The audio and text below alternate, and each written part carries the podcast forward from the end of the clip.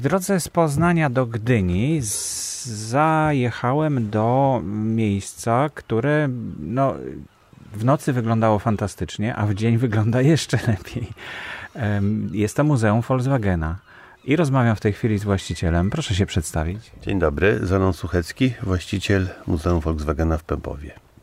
Jak to się stało, że w Polsce powstało Muzeum Volkswagena akurat? Rozumiem, że to światowa marka i że dlaczego nie, ale to musi wynikać chyba z czegoś więcej. No to wynika z historii naszej rodziny. E, lata 60., połowa lat 60., e, mój ojciec już kupił sobie pierwszego garbusa, w którym my jako dzieci oczywiście z tyłu jeździliśmy na wszelkie wycieczki, przejażdżki i, i do szkoły. Także gdzieś to ta, ten, ten odgłos silnika boksera z dzieciństwa pozostał. Garbus towarzyszył mi oczywiście przez całe y, młodzieżowe życie i dorosłe życie, czyli nauka jazdy czy prowadzenia samochodu odbywała się garbusem. Y, randki z dziewczynami lata 70. również z garbusem. Także y, gdzieś to wszystko w pamięci zostało. No i na początku lat 90. z małżonką postanowiliśmy wrócić sobie troszkę do przeszłości i kupić to, co nas połączyło kiedyś, czyli garbusa.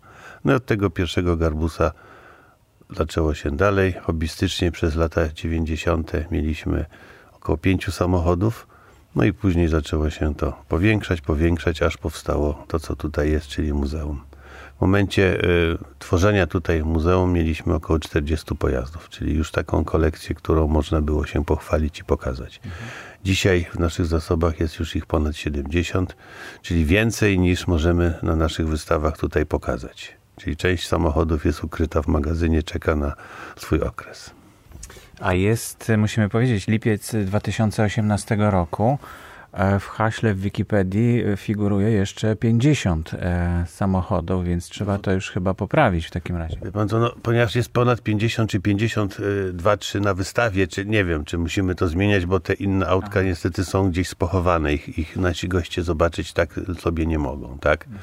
Także chyba, że tworzymy, tak jak w zeszłym roku mieliśmy wystawę zewnętrzną, na której też było chyba 12 naszych pojazdów, no wtedy możemy, mówię, takie rzeczy tworzyć. Chwilowo nie mamy, nie mamy miejsca, nie mamy zaproszenia na jakąś taką stałą wystawę, czyli e, samochody stoją w muzeum, znaczy w magazynie. Mhm. A jaki eksponat jest najcenniejszy dla Pana? Ja po prostu widzę tutaj naprawdę zatrzęsienie tych różnych rodzajów samochodów. Nie są takie same samochody. E, rodzajów garbusów tu jest kilka albo kilkanaście. Jest kilka, siedem chyba rodzajów. Troszkę pokazujemy, jak się garbus zmieniał. Mhm. Czyli te najstarsze z lat 50. i najmłodsze z lat 70. I tu patrząc na nie, jak stoją obok siebie, widać te zmiany konstrukcyjne i, i jak się po prostu ewolucja tego garbusa prze, przebiegała, tak? Patrząc na niego e, z boku nie widać tego wręcz, ale jak stoją obok siebie, to po prostu ją, te różnice są konkretnie widoczne. No i teraz jesteśmy w jednym z takich e, busów, e, no można powiedzieć kultowych, kultowy bus, tak, który, który no, na wielu filmach, szczególnie o hipisach jakoś tak się pojawia, a to jest taki karawan troszeczkę, to znaczy można tutaj chyba spać, można E, no, możemy usiąść i porozmawiać między innymi. To taki dla podcasterów byłby świetny samochód.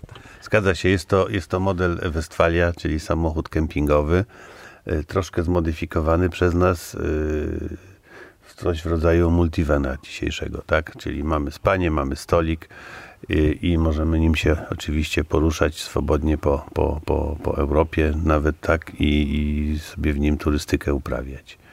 Mamy też w Westfalię w wersji oryginalnej, czyli kompletnie wyposażone w, w kuchnię, w podwójne spanie, czyli namiot na dachu.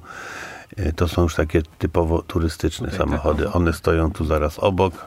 E, dwie sztuki takie mamy. Trzecią mamy sztukę, którą jak pan pytał przed chwilą, mój najtaki cenniejszy samochód stoi też. To jest, to jest też ogórek, którego, którego mam najdłużej, czyli to jest jakby początek tej całej kolekcji. 27 lat w tej chwili już jest u nas w rodzinie.